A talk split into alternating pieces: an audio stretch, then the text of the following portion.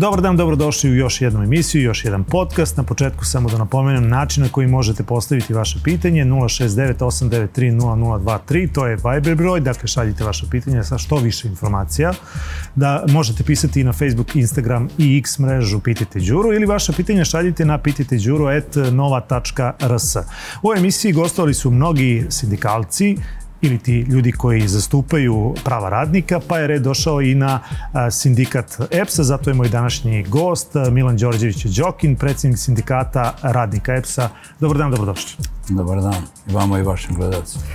Sad, za početak ću vas pitati nešto što najvjerojatnije interesuje sve gledalce. Ne znam koliko ima veze sa sindikatom, koliko ima veze sa sindikalnim organizovanjem, ali svakako neko ste ko dolazi a, iz srca EPS-a, ima li osnova za najavljena poskupljenje struje? To jest, možda je bolje pitanje da li je struja dovoljno skupa ako, je, ako poredimo cene e, sa onim što se dešava u okruženju i ostatku Evrope? Pa, moj odgovor je veoma jednostavan na to pitanje. E, za nas koji radimo u EPS-u, struja nikad nije dovoljno skupa. I uvek treba da poskupi još. E, ali e, poskupljenje struje bih ja vezao za situaciju u EPS-u i za sve ono što se događalo u prethodnom periodu, recimo od one katastrofe 2021. godine koja nas se zadesila kad nam je šest blokova ispalo u tentu i tako dalje i tako dalje. E, vidite, EPS e, posluje, ja bih rekao, sa pozitivnom nulom. E, struja je sad više nije možda najjeftinija u celoj Evropi, ali smo mi jedna od tri zemlje u kojoj je najjeftinija električna energija. A EPS mora, prosto nema dovoljno novca za prosto reprodukciju ako cena struje ne raste. Ali to ne znači da treba da raste po svaku cenu i da treba da raste nekontrolisano. Mm -hmm.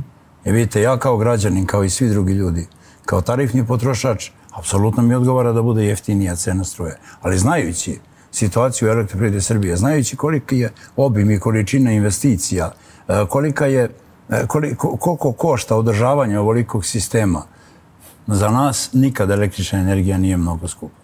Pominjete 2021. Pratio sam i tekako ono što se dešavalo u EPS-u. Viđali smo se desetine puta.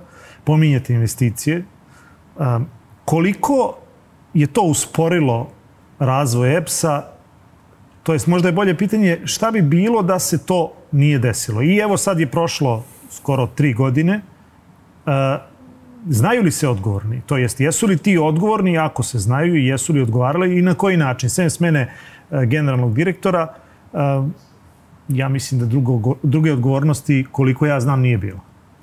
Pa evo sad će skoro dve godine od kad se to desilo, to se desilo u decembru 2021. godine. E, šteta je ogromna koja je nanešena EPS-u, samim tim građanima i privredi ove zemlje. E, koliko se ona meri u količini novca, znate i sami, sećate se, pratili ste i vi kao i ja, e, ogromne količine električne energije smo morali da ovezemo te zime, znači što nam je uvećalo strašno troškove poslovanja elektroprivrede Srbije i mi smo dovedeni u veoma neprijatnu poziciju da smo bili u teškom gubitku i u dubiozi.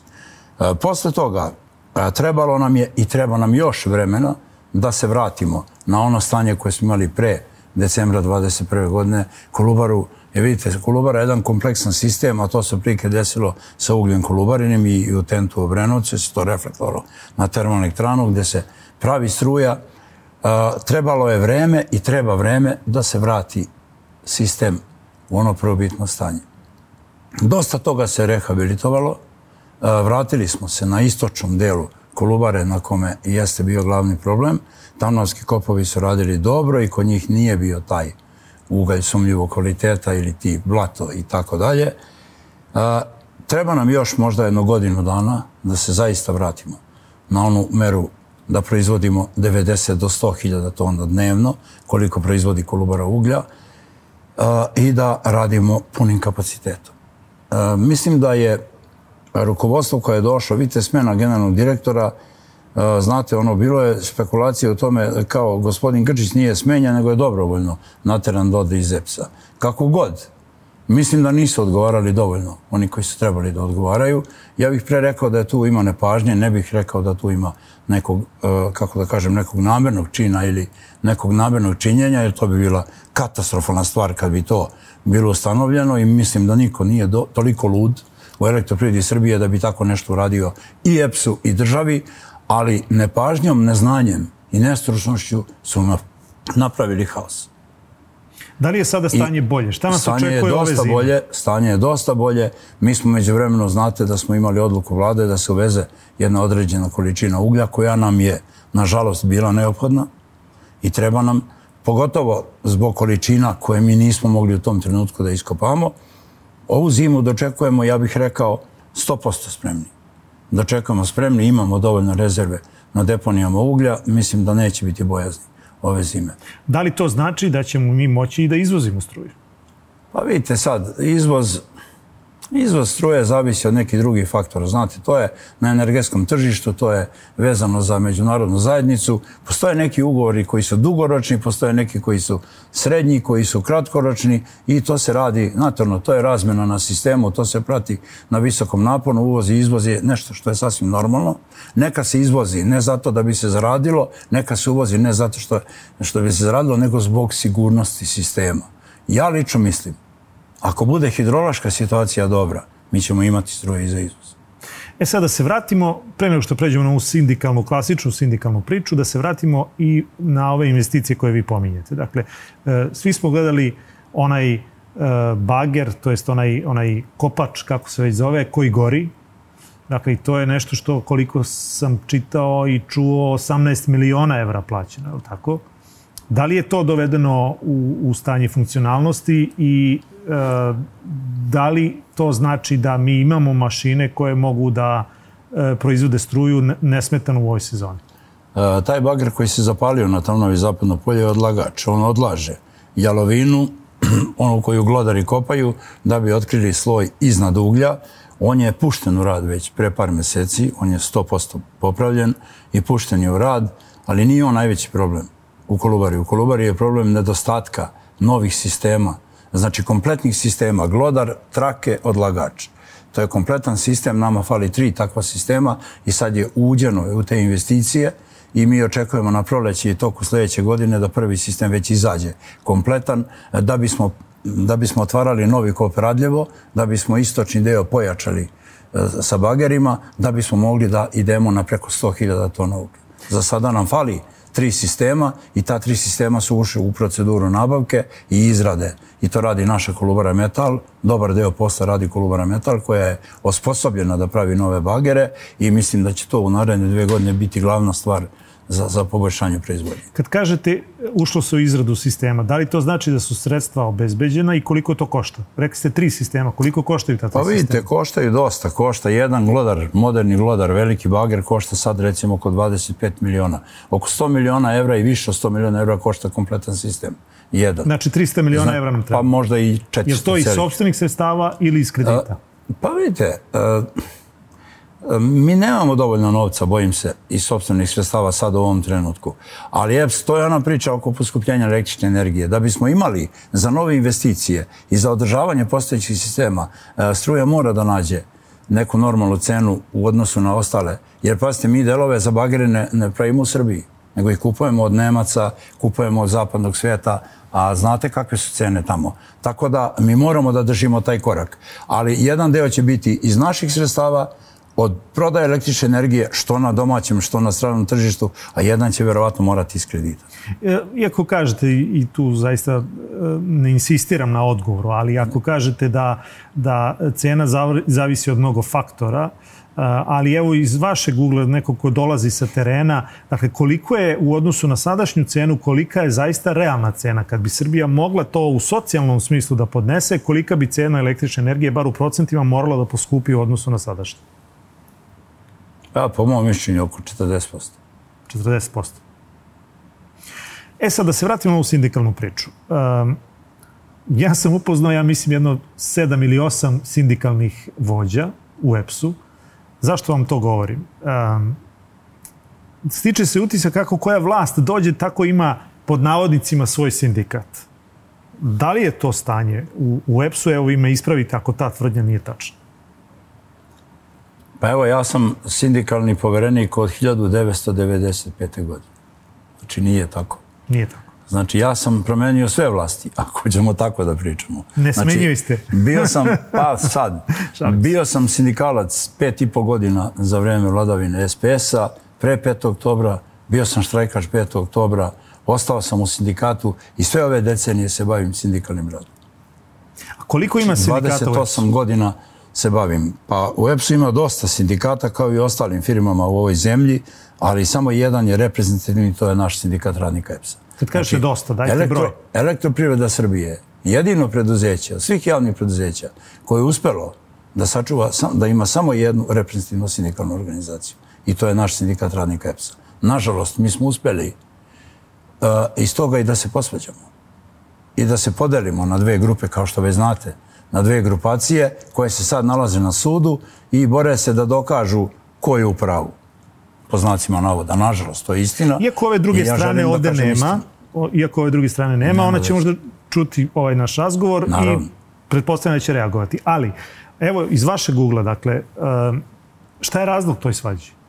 Jer nenormalno je da se, ako je sindikat osmišljen da štiti prava radnika, da se neko svađa oko zaštite prava radnika. Valjda ste svi na istom zadatku. Dakle, zašto se, e, možda je bolje pitanje, zašto se neko gura da bi bio sindikalac? Pa ovdje se ne radi o tome da se neko gura da bude sindikalac. Ovdje se radi, evo ja ću vam sasvim otvoreno reći, znači direktno, i bit će mi drago da pozovete i drugu stranu jednog dana da demantuje ovo što ja kažem. Ovdje se radi o meni i o gospodinu Rankoviću koji je bio predsjednik sinkronizacije Kolubara tada. Gospodin Ranko i ja sam se tada usprotivio gospodinu Grčiću kad je počela korona za neke stvari redovne. U EPS-u rekao sam, smatram da to nije dobro, da ne možete tako, da to nije dobro za radnike. Međutim, Ranković je stao na stranu Grčića i onda se desilo ono što se desilo. Onda su oni uz pomoć unutrašnje kontrole išli pretili mojim kolegama po Srbiji, ucenjivali ih, naterali ih da potpišu neki papir, da daju saglasnost da se podrži Miodrag Ranković, da bi mene smenili, jednog dana su mi zabranili da uđem u svoju kancelariju i to je cela priča. Ni dan danas mi nije jasno zašto je to uradio Ranković. E, sećate se verovatno onog čuvenog protesta koji su radili u, u Kaleniću u Kolubari pre dve, dve i po godine već ima, e, na kome su rekli da sam ja potpisao sporazum sa bivšom ministarkom rudarstva i energetike Zoranom Mihajlović, da 17.500 radnika od 20 od ukupnog broja ima viška radne snage, što je neverovatna glupost, da 2027. godine ja se borim da prestane kopanje uglja i tako dalje i tako dalje. Da sam protiv izgradnje e, Kolubare B termoelektrane za koje je sad taj isti Ranko izglasao na nadzornom odboru da se zatvori i da se stavi u fioku i da nema izgradnje, za što ja tvrdim da postoji opravdanost da se gradi novi blok od 350 MW koji je neophodan za buduću proizvodnju, bez obzira što postoje razno razni lobiji u ovoj zemlji, kao što postoje u celoj Evropi, koji kažu ugalje, fosilno gorivo, prljavo i tako dalje i tako dalje. Da, svi ti koji to pričaju, evo, prvi Nemci, prvi Nemci,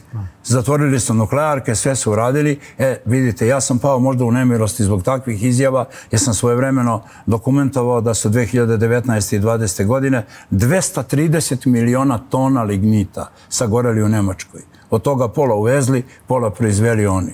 Pa kako je to moguće? Neko ko nas tera da ne proizvodimo električnu energiju iz domaćeg resursa, što znači neko želi da nas baci na kolena. Da, nam, da budemo energetski zavisni, a ne nezavisni kao što to mi jesmo. Mi smo energetski nezavisna zemlja i ovakvi kakvi jesmo, mi imamo dovoljno uglja i vode da možemo uz Naravno, ja nisam uopšte zagovornik teorije da ne treba zelena energija da postoji, da ne treba raditi vetroparkove, ne treba solar. Naprotiv, treba i to, jer to ništa nama ne remeti, pogotovo meni koji sam rudar iz Kolubare, ništa to nama ne koči, neka bude zelene energije, ali da se izađe pošteno na tržište pa da se vidi koji je kilova sad struje skuplji i to je nešto što će držati nižu cenu struje. Jer vidite, mi više od 70 godina u ovoj zemlji držimo socijalni mir.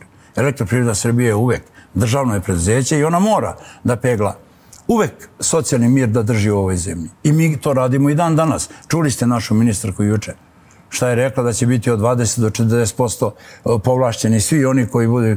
I pazite, jednu čuvenu rečenicu je sinoć izgovorila i Ja joj se zahvaljujem na tome zaista.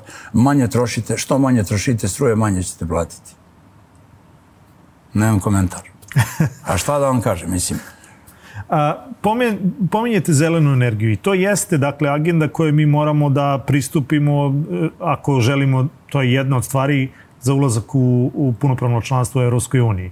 A, međutim, od vaših kolega na kopovima kad sam bio sam upravo čuo da, da Srbija ima rezerve uglja za narednih 100-150 godina, su, da su to neke procene. E, da li je to tačan podatak e, i da li e, naša budućnost u, u elektroenergetskom sistemu jeste ugalj i koliko ga zaista ima, to jest da li se može desiti da mi opet dođemo u situaciju pa da kopamo jalovinu? Evo ja ću vam reći da kažem, ajde, da ne budem tačno precizan u, u hiljadu tona, ali približno tačnu cifru, naravno znam koliko imamo rezervi. Vidite, reda veličina Kolubara je do sada u svom veku, od 1950. godine, od kad je počelo 51. aktivno da kopa lignit u Kolubari, iskopala negdje oko milijardu 350 miliona tona uglja. A mi imamo sada više od milijarde tona uglja rezerve. To vam dovoljno govori znači, za još koliko 50 rezervi. Za 50 godina sigurno imamo rezervi. Znači, što na istočnom delu na polju E, je se sada polje B i polje D fuzionisalo i napravljen je jedan kop i tamnava istočno polje nekada bila, sad se zove polje G i tamnava zapadno polje koja sad kopa najveću količinu uglja i kop radljevo koji je u fazi otvaranja, koji ima iz dve etape oko 700 miliona tona rezervi što uopšte nije zanemarljiva cifra, to su ogromne količine uglja i mi otprilike za 50 godina, najmanje govorim, onoga što je do sada istraženo, imamo rezervi samo u Kolubari. Imamo u Kostolcu rezerve, imamo u pozemnoj eksploataciji uglja, jako kvalitetnih ugljeva, znači ova zemlja je bogata ugljem, ima uglja i ja lično mislim, ja sam zagovornik teorije da se uglje kopa dokle god to može, a da pritom, naravno to će raditi političari u ovoj zemlji, kogod vodi o zemlju, on je dužan da se stara o tome, da se nađe ta neka sredina sa Evropom i neki dogovor. I vidite, mi imamo situaciju, evo, pre 5-6 dana, da su se Poljaci e, decidno izjasnili da se oni neće odreći lignita, jer oni dobijaju 85% od ukupne količine električne energije proizvedene u njihovoj zemlji upravo iz lignita, uglja. E sada, ako trebamo nešto na ekološkom planu da uradimo, a moramo da uradimo, ali ne možemo više pričati. Tu ima veliki deo krivice, i EPS. Da se razumemo, znači, nije nama niko drugi kriv za ovo što se mi ponašamo neracionalno ili nedomaćinski. Znači, mora da se krajnje vreme došlo, da se utegne, evo vidite, ja gledam, poučen e, pričom o novom konkursu za generalno direktor EPS-a. Smešno. Evo ja ću vam odmah reći to. E to je ono sada vezano za budućnost EPS-a i tako dalje. E, osnovni kriterijum za direktor EPS-a je tečno poznavanje engleskog jezika. Moje prosto pitanje je bilo i vladi i VD direktoru. Izvinite, ko je ovo napisao? Je to znači da ste vi diskvalifikovali ljude koji su učili nemački jezik? Izvinite, ili ljude koji su učili ruski jezik? Šta to znači? Znači, mi imamo doktore nauka, ja imam dva doktora nauka u Kolubari koji govore nemački i ruski. I to pazite, nemački, jesmo mi vezani za krup, za bagere i tako dalje i tako dalje. Je bitniji od engleskog? Znači, vi, naravno da je bitniji. I mnogo važniji, pazite. A isto je, ja bih razumeo da je neko napisao jedan od svetskih jezika. Ali decidno da bude Jeste engleski... Jeste li dobili odgovor na to pitanje? I, pa, ko da mi da odgovor? Koji je odgovor, mislim? Smešno. To je žalosno u stvari. Nije smešno, nego je žalosno. Da bude uslov da po, tečno poznavanje jezika. A onda, znate, bilo bi poželjno da bude magistar ili inženjer, ne znam, ove struke, a mogu i osnovne studije. Šta to znači? Može i kupljena diploma, može i ovako. I mislim, to su stvari koje su ozbiljan problem. Ali se ja iskreno nadam da pre svega predsjednik ove države, koji će po meni morati da se uključi, što se EPS-a tiče, I ja sam već apelovao na predsjednika da se on lično uključi. Ali kakve veze, sad ulazimo u domen politike, ali kakve veze ovde u, u, u izvršnom smislu predsjednik ima veze sa, sa nomenklaturom u EPS-u, to niti je njegovo ovlašćenje, niti bi on u suštini trebalo da se uključuje tu. Da li to znači da onda ni ministarka rudarstva energetike, ni predsjednica vlade, niti... Pa evo reći vam zašto. Niti bilo ko drugi ko bi pozvaniji bio da u ovoj priči učestvuje, se ne pita. Ne, pa vidite, to se podrazumeva. Izvršna vlast mora da vodi EPS. Jer mi smo preduzeće koji je, čiji je osnivač i vlasnik vlada Republike Srbije. I to samim tim. Ali vidite, kada smo prelazili nedavno iz JP u AD, iz javnog prezeća u akcionarsko društvo, sećate se moje priče i mog protivljenja i zbog čega? Prvi razlog zbog koga sam se protivio, zašto jedan predstavnik u Skupštini. Nama je predsjednik Skupštine, EPS AD-a, ministar Hrvadaštva energetike, što je po meni nedopustivo. Zar to nije sukob interesa? Pa, naravno da jeste. Naravno da jeste. Ali je to tako. I zašto jedan? Izvinite, nigde nisam pročitao Evropsku uniju u svetu, nigde nisam video da jedan čovjek predstavlja. I sad, ko je kome nadređen? Da li je ministar nadređen predsjedniku Skupštine svog prezeća ili je predsjednik Skupštine šef ministru? A jedna ličnost. Mislim, da li će to u budućnosti e, otvoriti smo... mogućnost da se određene političke odluke e, sprovode u jednom smeru, dakle da, vi, da, da neko ko treba da odlučuje o, o budućnosti EPS-a e, iznutra u smislu same firme, da on neće imati pravo glasa, to je da, se, da njegova apsolutno se neće uvažavati. Pa evo, u tom kontekstu sam upravo pomenuo predsjednika. Nisam ga promenuo zato što je lep, nego sam ga pomenuo iz ovog razloga. Znate, jer otprilike ovdje sve još uvijek mora da se interveniše. Mora da se uradi ovako ili onako. Evo, poučeni sada ovim. Ja sam zakonski zastupnik u Poreskoj upravi u ovoj državi od 6. januara od kad se spori dve grupe sindikata. Po nekoj mojoj informaciji, premijerka ove zemlje je okrenula telefon i rekla ne, promenite, više nije Đorđević, nego je Krasmanović. S kojim pravom? E, to je suština priče. Ajde da to malo razjasnimo. Dakle, znači, e, rekli ste kako je počeo taj sukup, zbog čega je počeo, da. ali šta su njegove konsekvence?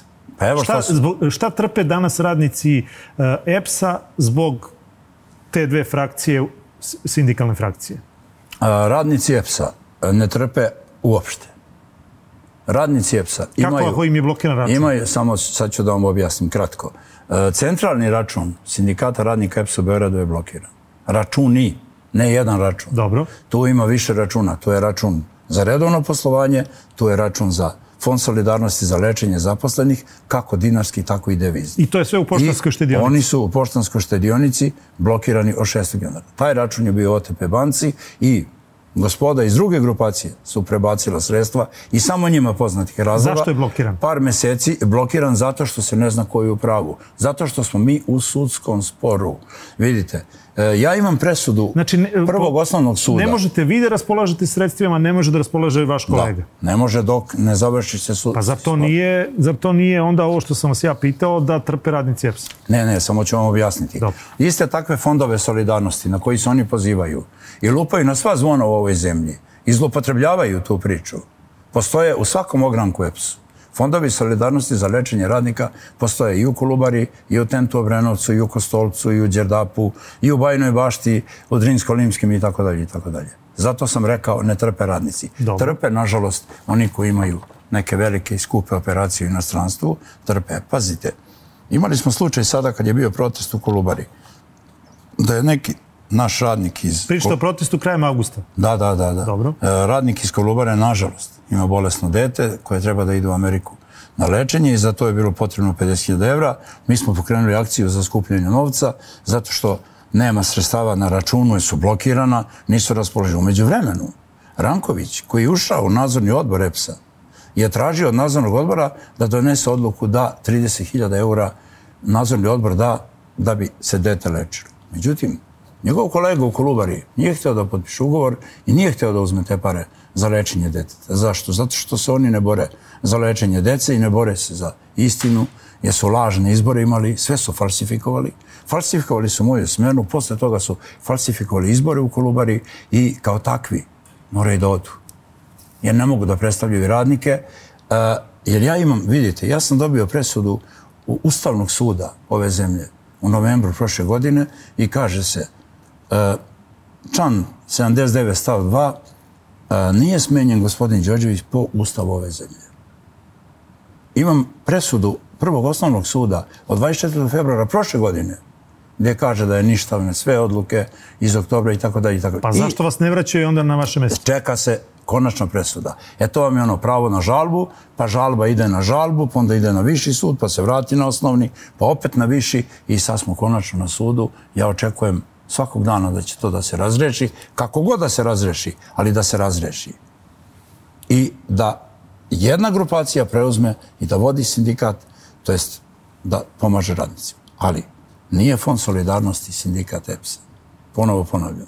Ovdje je onemogućen rad centrale sindikata. Rad centrale sindikata podrazumeva mnogo međunarodnih stvari, mnogo e, učešće u izradi svih akata koja se tiču zaposlenih kolektivnih. Evo, sad treba se pregovara za posebni kolektivni ugovor. To se htio da spitam. Šta je sa tim? Na, pa evo, Napominje se, nagoveštava ugovor, se, pa nikako. Posebni kolektivni ugovor ističe uh, 7. februara 12. februara je izašao u službenom glasniku, znači 12. februara mu ističe važnost, tim što sam ja radio izmene i dopune posebno kolektivnog ugovora koje su potpisane tek 9. augusta. I to je sad prostor za manipulisanje. Druge strane, posebni kolektivni ugovor treba da se radi, mi smo dali svoj predlog, oni su dali svoj predlog i sad čekamo na potez ministarke i vlade Republike Srbije. Šta će on značiti? Kada smo prelazili u AD, pa to je, vidite, kolektivni, posebni kolektivni ugovor je radnički ustav u svakom preduzeću, a pogotovo u elektroprivredi Srbije gde ima više delatnosti, više vrste poslova različitih i tako dalje. Znači, bez kolektnog ugovora mi nismo nikada bili, evo ja sam od 95. tu, uvek smo imali kolektni ugovor, ili pojedinačni takozvani kod poslodavaca, ili posebni, ali uvek smo imali kolektni ugovor. Ja se iskreno nadam da ćemo na vreme stići da ispregovaramo ili izmene i dopune za naredne sa rokom važenja od tri godine ili za izradu novog, sasvim sve jedno. On važi po zakonima ove zemlje tri godine i ja se nadam da ćemo do februara mjeseca uspeti da, da se dogovorimo i da uradimo novi kolektiv. Vrlo često se za elektroprivredu Srbije govorilo da je preduzeće od kog zavisi, e, pa ponekad su govorili i vlade su padale zbog, zbog e, tog preduzeća s obzirom na broj zaposlenih. Ali se takođe vrlo često uh, pričalo o tome da tamo ima mnogo više ljudi zaposlenih i da su partijski kadrovi zaposleni, namirivani određena, određena dugovanja u odnosu na to koliko zaista je neophodno da postoji ljudi zaposlenih u EPS-u. Kakva je struktura zaposlenih u EPS-u i koliko EPS-u zaista treba ljudi da bi on funkcionisao? Evo vidite ovako. Mi imamo tu, nažalost, kontradiktornu situaciju imamo absurdnu situaciju. Mi u ovom trenutku imamo nekdo oko 19.600 zaposlenih. Znači, nemamo 20.000 ukupno zaposlenih u elektroprivredi Srbije. Dobro. I to su oni stalno zaposleni na ugovore na neodređeno vreme u osnovnoj delatnosti. I sad vidite, imamo pritom angažovanih negde oko 7.962 radnika samo preko protenta izdvojenog preduzeća iz Obrenovca. Od toga ima 4200 radno angažovanih na određeno vreme i 3432 na neodređeno vreme. I to čitam podatak koji je direktor EPS-a preključe. I izbacio, napisao pismo ministarki rodarstva i energetike, od koje traži pomoć da vidi šta će sa radnicima protenta. A ja tvrdio i tvrdim i dan danas, Kolubara i EPS ne može da radi sa ovim brojem zaposlenih. Mi smo imali 5. oktobra 63.477 zaposlenih. Znači sad je... Ukupan broj zaposlenih. Sada imamo manje od 20.000. Distributeri su izašli sa 11.000. I vidite, mi ne možemo bez ovoga. Ovdje je direktor objašnjava sljedeću stvar. Da po programu poslovanja, to je 3PP-u, trogodišnjem programu poslovanja, mi ukupno možemo da zaposlimo negdje oko 2500 do kraja 2025. godine. Moje pitanje je prosto. I postavio sam ga i postavit ću ga naravno i borit ću se za to. E, šta će se desiti ako mi decu koje smo zaposlili preko protenta ili preko bilo kog izdvojenog prezeća vratimo kući? Nećemo moći da radimo. Evo odgovorno tvrdim. EPS neće moći da radi. Znači, EPS-u treba 7000 još dece, EPS-u treba više zaposlenih.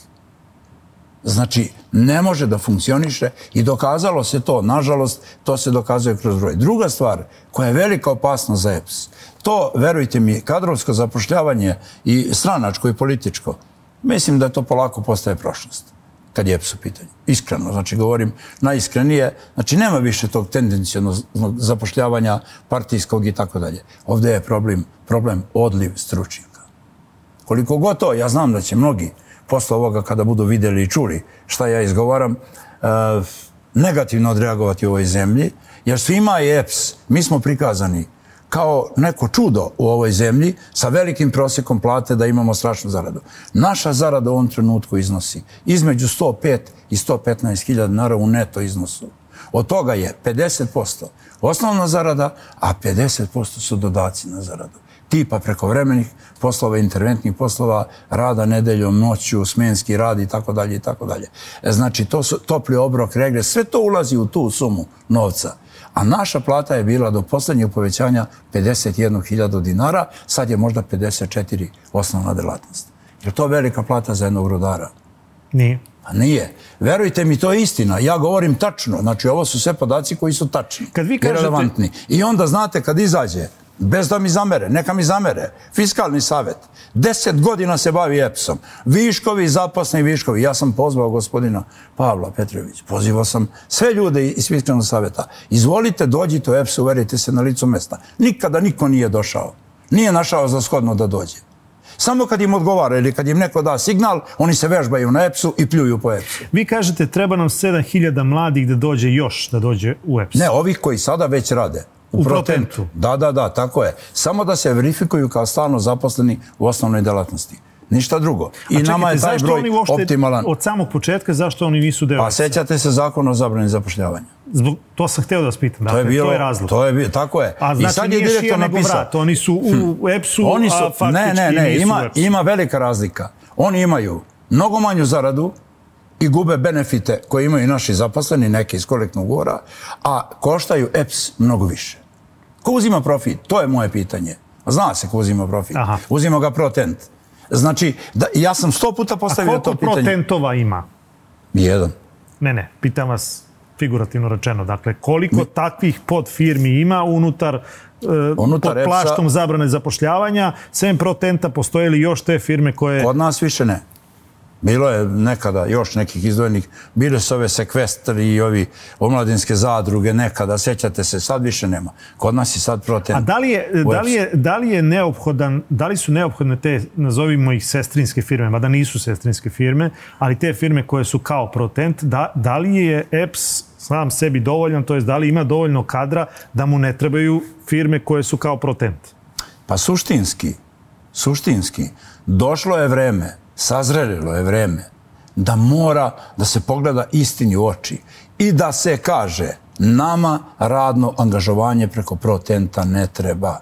Nama treba optimalan broj zaposlenih koji će se zvati radnici elektroprivrede Srbije.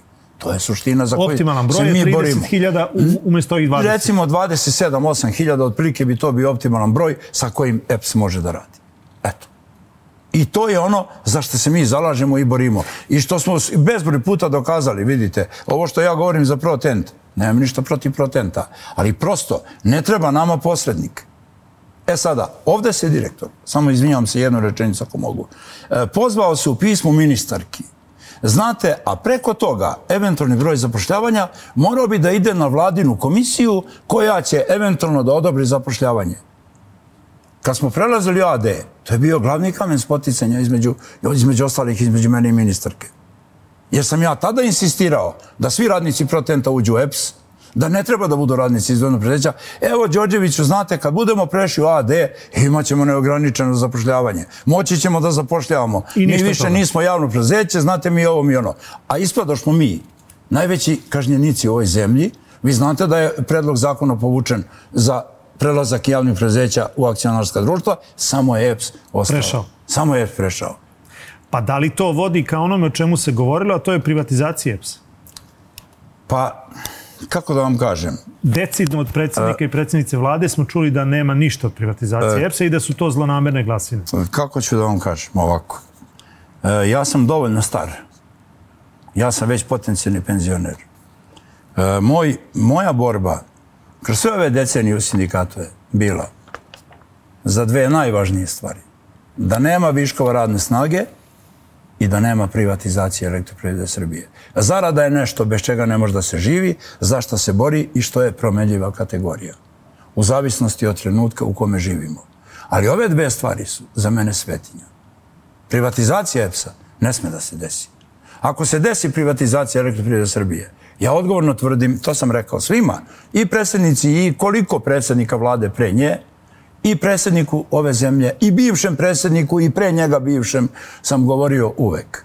Status mesne zajednice će imati vlada koja izgubi najzeleniju granu na kojoj počiva to elektroprivreda Srbije. I to je valjda u svakoj normalnoj zemlji u svetu tako. Zašto su Francuzi vratili sve pod kapu države? Zašto su Norvežani vratili pod kapu države sad došli nama da prodaju pamet u elektroprivredi Srbije? Svaka čast, nemam ništa protiv ljudi. Ništa nemam protiv njih. Oni su verovatno Aj kad pominjete njih, jesu ljudi. doneli nešto pametno? Do, pa Mislim, ne znam. Znate nešto? Ja ih još nisam upoznao. Niste. U ponedljak treba da imam sastanak prvi. Sa njima, najavljenje sa predsjednikom nadzornog odbora, sam ja neke stvari prosto primjedbovao i rekao, čekajte ljudi, ne može tako. I vidite, pre dva, tri mjeseca je bio pokušaj da se napravi neko mešovito preduzeće, ne znam sa kime, da se izvuku hidroelektrane iz sistema elektroprivrede Srbije. Ja sam tada burno odreagovao, ne ja, ja kad kažem ja, mislim na celu grupaciju ljudi koju ja predstavljam i čiji sam ja predsjednik i većinu radnika koji su nas izglasali. U oči nove godine smo imali izbore ponovo. I mi smo u Kolubari dobili većinu. I dobili smo u, u većini preduzeća u EPS-u. U nekima nismo ni izlazili na izbore, tipa Kostolca. Izlazila je druga grupacija. Nema veze.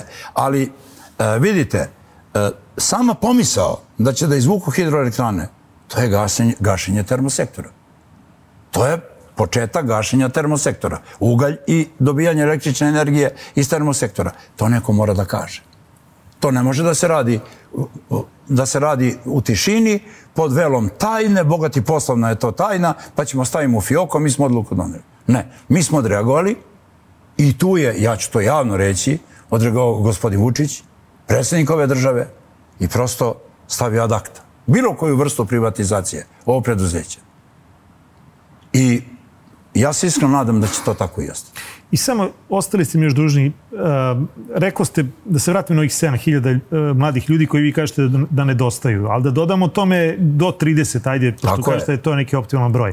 Oko strukture zaposlenih, dakle, uh, rekao ste da uh, vam se dešava odliv stručnih kadrova.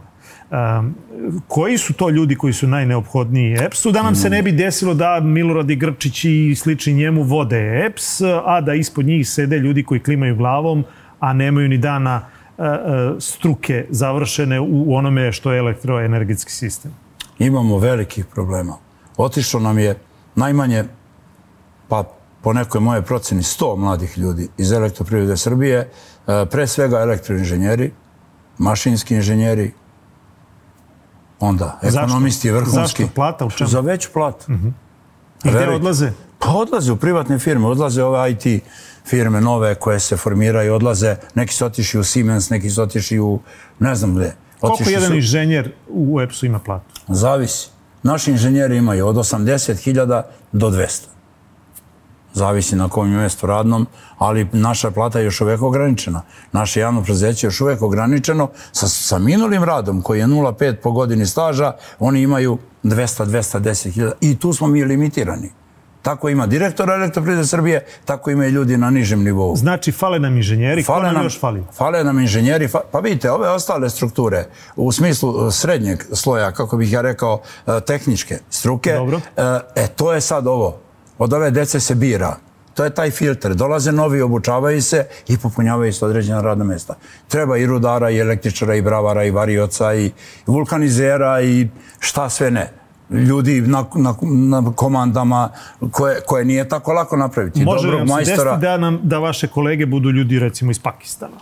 Pa ne daj Bože da nam se desi. I ja mislim da dovoljno ima dece u ovoj zemlji koja vole ovu zemlju i koji traže svoje mjesto po suncem i dokaz za to, verujte mi, su upravo ova deca preko Protenta i preko raznih omladinskih zadruga i sekvestra i svih ostalih organizacija preko kojih su radili za, mali, za dva i po puta manju zaradu, a su izdržali neki čak i po 15 godina.